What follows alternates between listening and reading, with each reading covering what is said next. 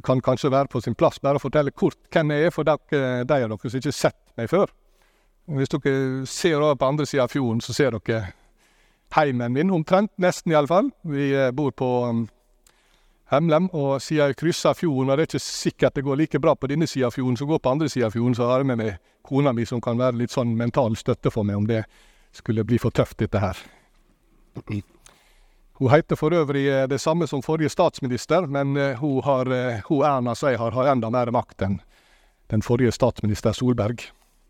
Men jeg har ikke investert i noen aksjer, altså, så det er ikke noe rot med det.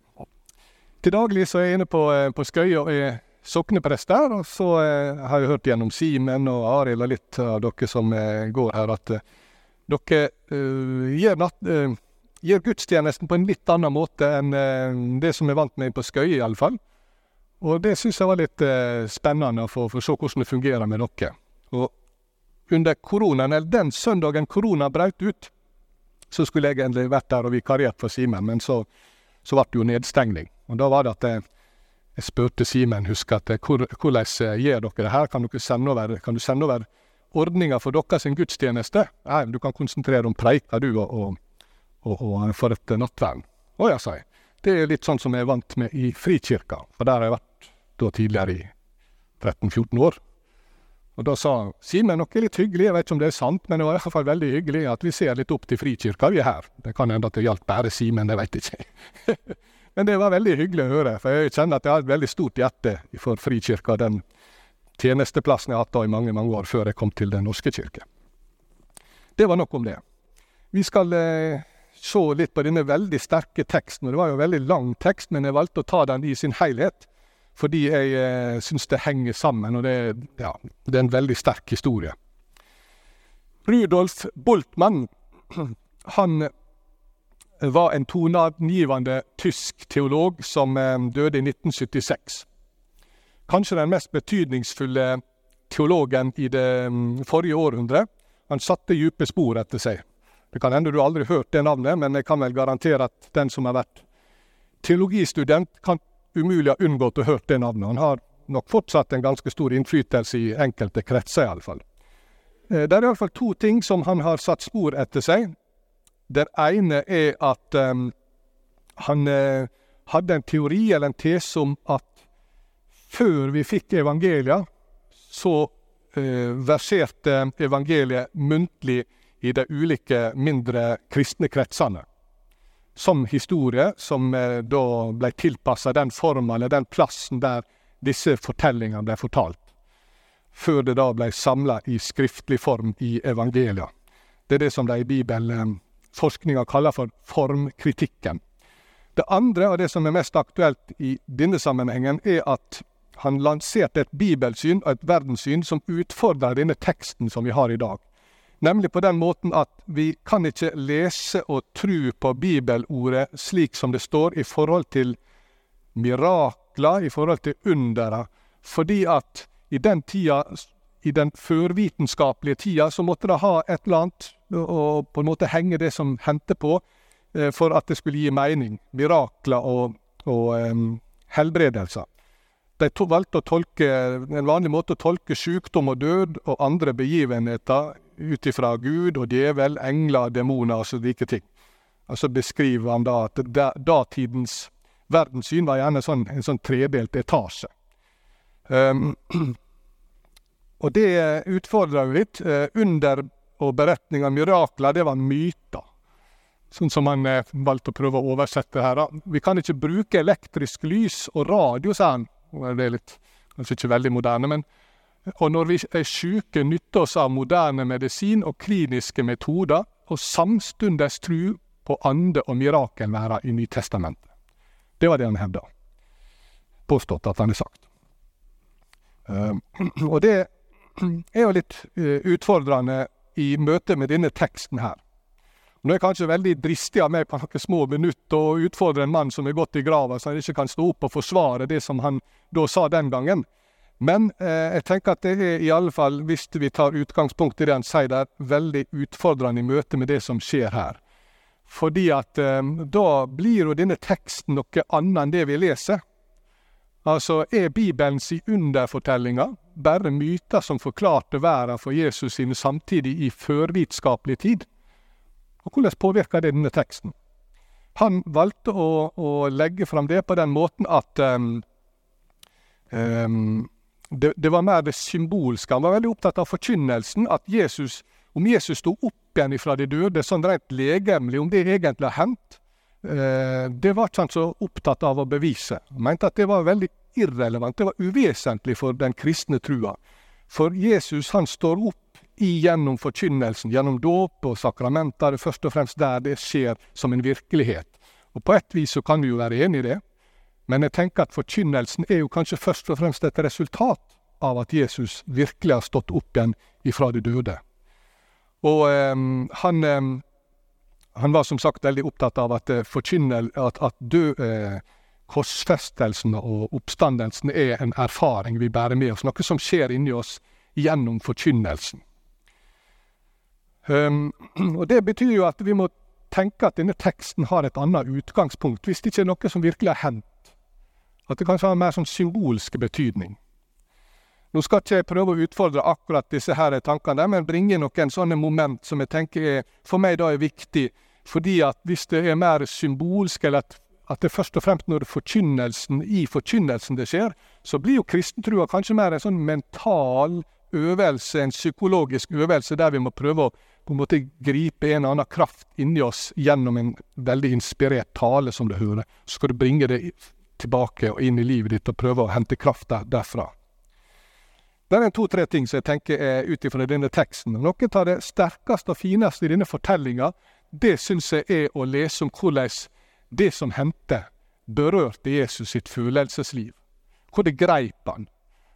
Eh, her i, i denne fortellinga så har du jo Bibelen sitt korteste vers. Jesus gret. Og de som sto rundt han der, la merke til det. Så hvor glad han var i ham. Og Hvis vi hadde gått litt noen vers eh, tilbake der, tidligere så sier, står det at Jesus, Jesus var svært glad i Martha og søster hennes og Lasarus. Er ikke et nydelig vers?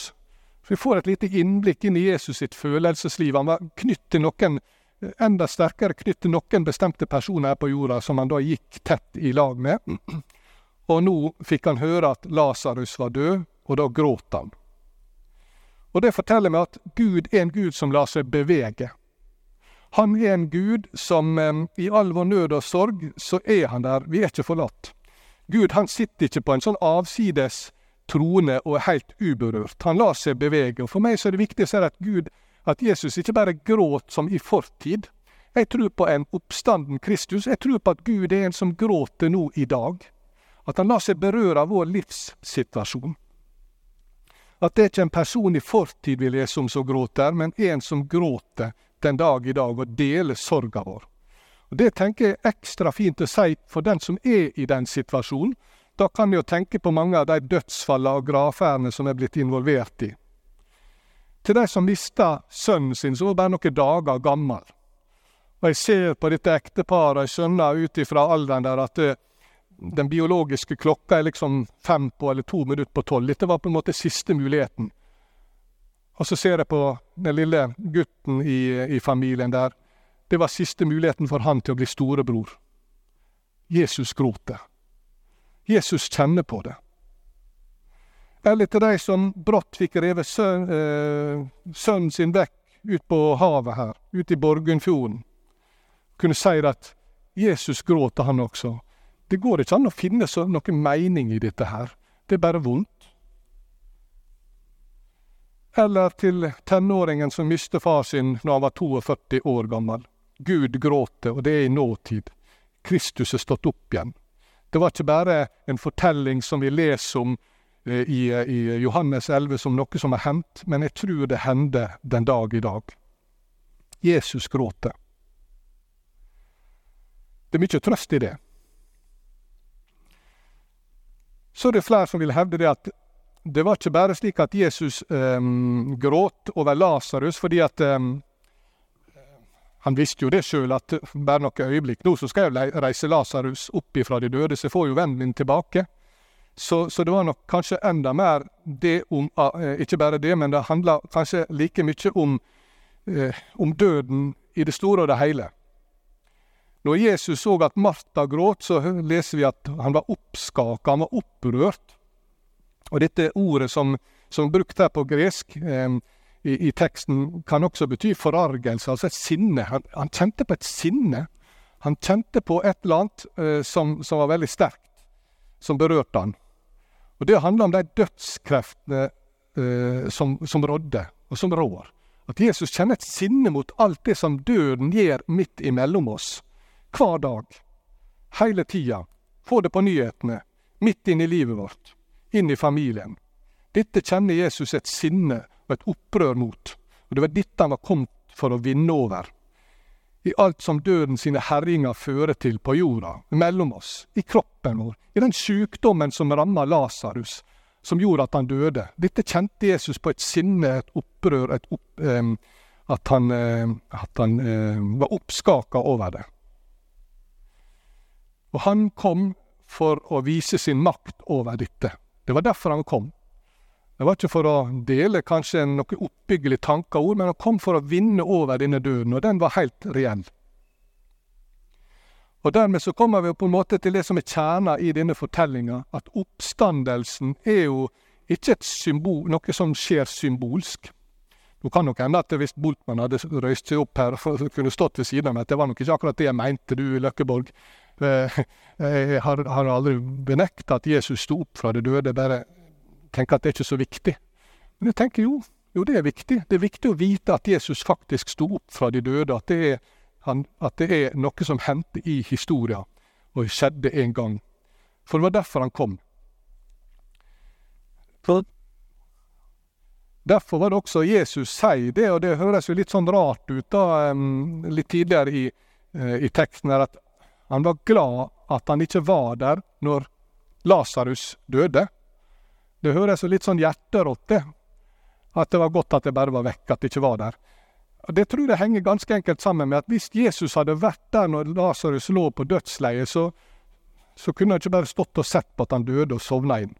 Han ville reist han opp fra sjukesenga. Det var det de anklaga han for også. ikke sant? At denne mannen som har fått eh, døve til å høre og blinde til å se, han, han, han kunne vel reist denne mannen opp fra de, fra de døde. Hvorfor lot han han dø?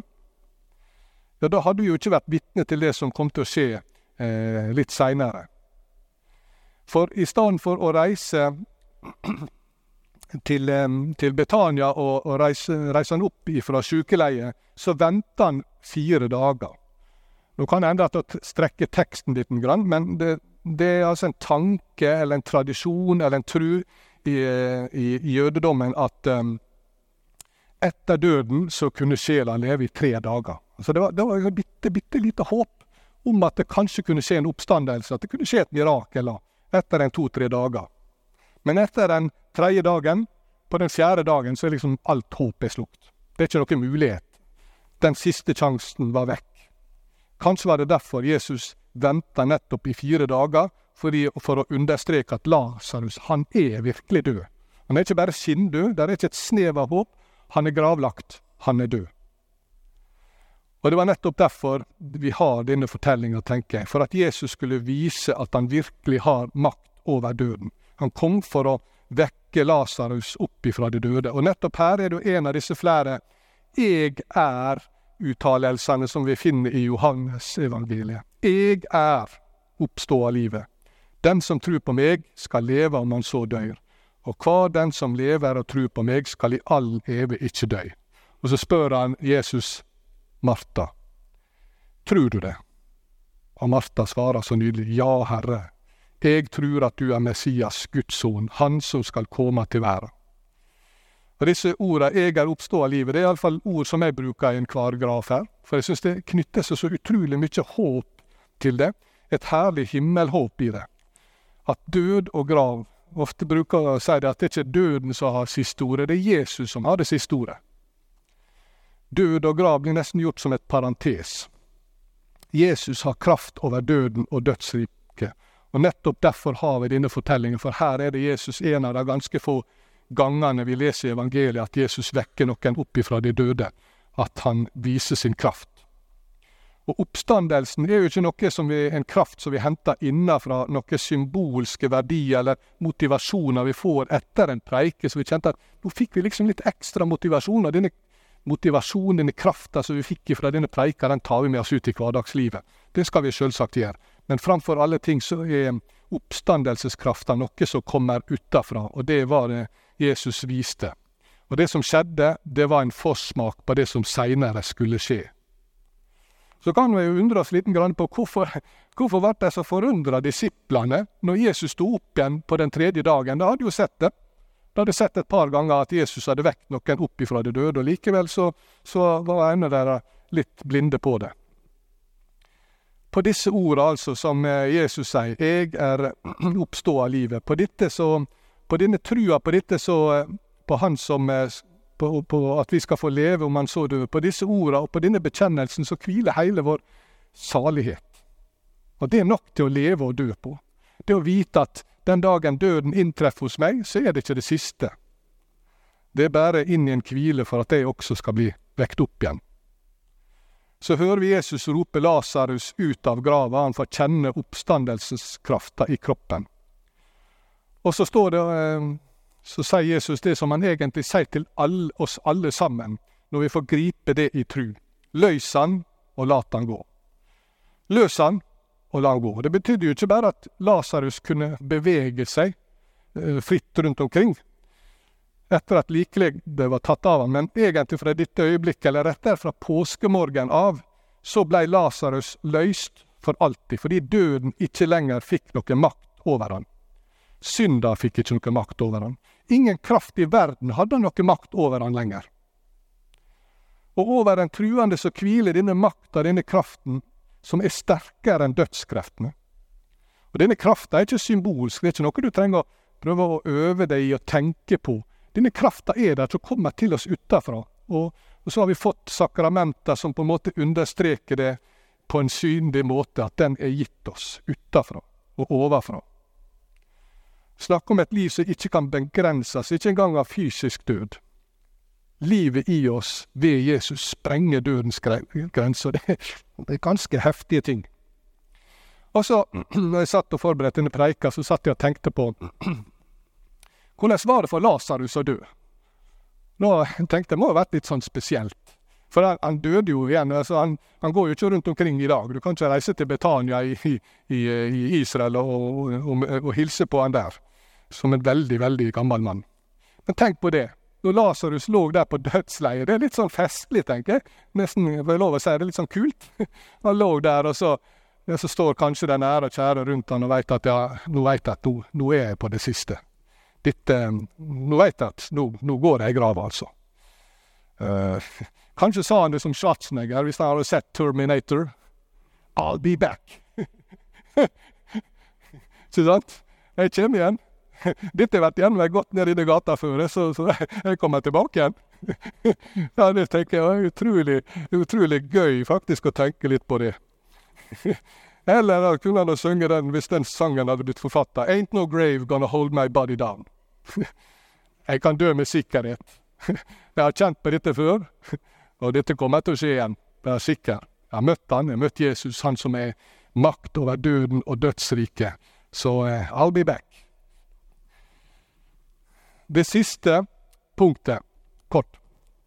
Oppstandelseskrafta er noe som kommer til oss utafra. Steinen ble rulla vekk for at Lasarus skulle komme ut. Altså Han hadde jo ingen krefter i seg sjøl der han var inne, innafor denne steinen. Så slik måtte uh, steinen rulles vekk, og krafta kom utafra. Men slik var det jo ikke på påskemorgen. Vi har gjerne tenkt på det at uh, steinen foran Jesu grav måtte rulles vekk for at Jesus skulle kunne komme ut ifra grava. Men det var jo det minste problemet. Altså En stein som står foran ei, ei grav, var jo ingenting. Han gikk jo gjennom stengte dører, slik som vi leser det. Nei, det var null problem. Stein ble rulla vekk fordi at vi skulle se at grava var tom. Det var derfor. Jesus sto virkelig opp ifra de døde. Eller som Peter sier i apostelgjerninga, jeg syns det er veldig heftig. Døden var ikke sterk nok til å holde på han. Jeg, jeg, er så glad i dette verset. Døden var ikke sterk nok til å holde på han. Så døden prøvde, men den var ikke sterk nok. så vit det, du truende. Du er løst og fri. Du er løst og fri. Det er ikke noe som du trenger å tenke så nøye på. Du kan vite det i trua. Dersom du tror på Han som reiste Lasarus opp fra de døde, som sjøl sto opp igjen ifra de døde. Oppstandelseskreftene bor i deg. Døden kan ikke holde på deg lenger. Det kan hende det du kjenner på både sykdom og dårlig helse og synd som holder deg nede, men det har ikke makt over deg. For i Jesu navn så er du løst. Så derfor bruk resten av dette livet ditt, fra denne dag av, eller fra de dagene av du kom til tru, til å vitne om denne seieren, at du tross alle erfaringer og nederlag, så er det en kraft som bor i deg. Og det er heldigvis et faktum at Jesus sto opp igjen fra de døde. Jeg betviler det ikke, sjøl om jeg syns det høres ufattelig usannsynlig ut. Så tror jeg det. Og på denne trua så hviler hele min salighet og tru. Jeg stoler på at det er sant, det som står der. Ære være Faderen og Sønnen og Den hellige ande, som var, er og være skal, ein sann Gud ifra evig og til evig. Amen.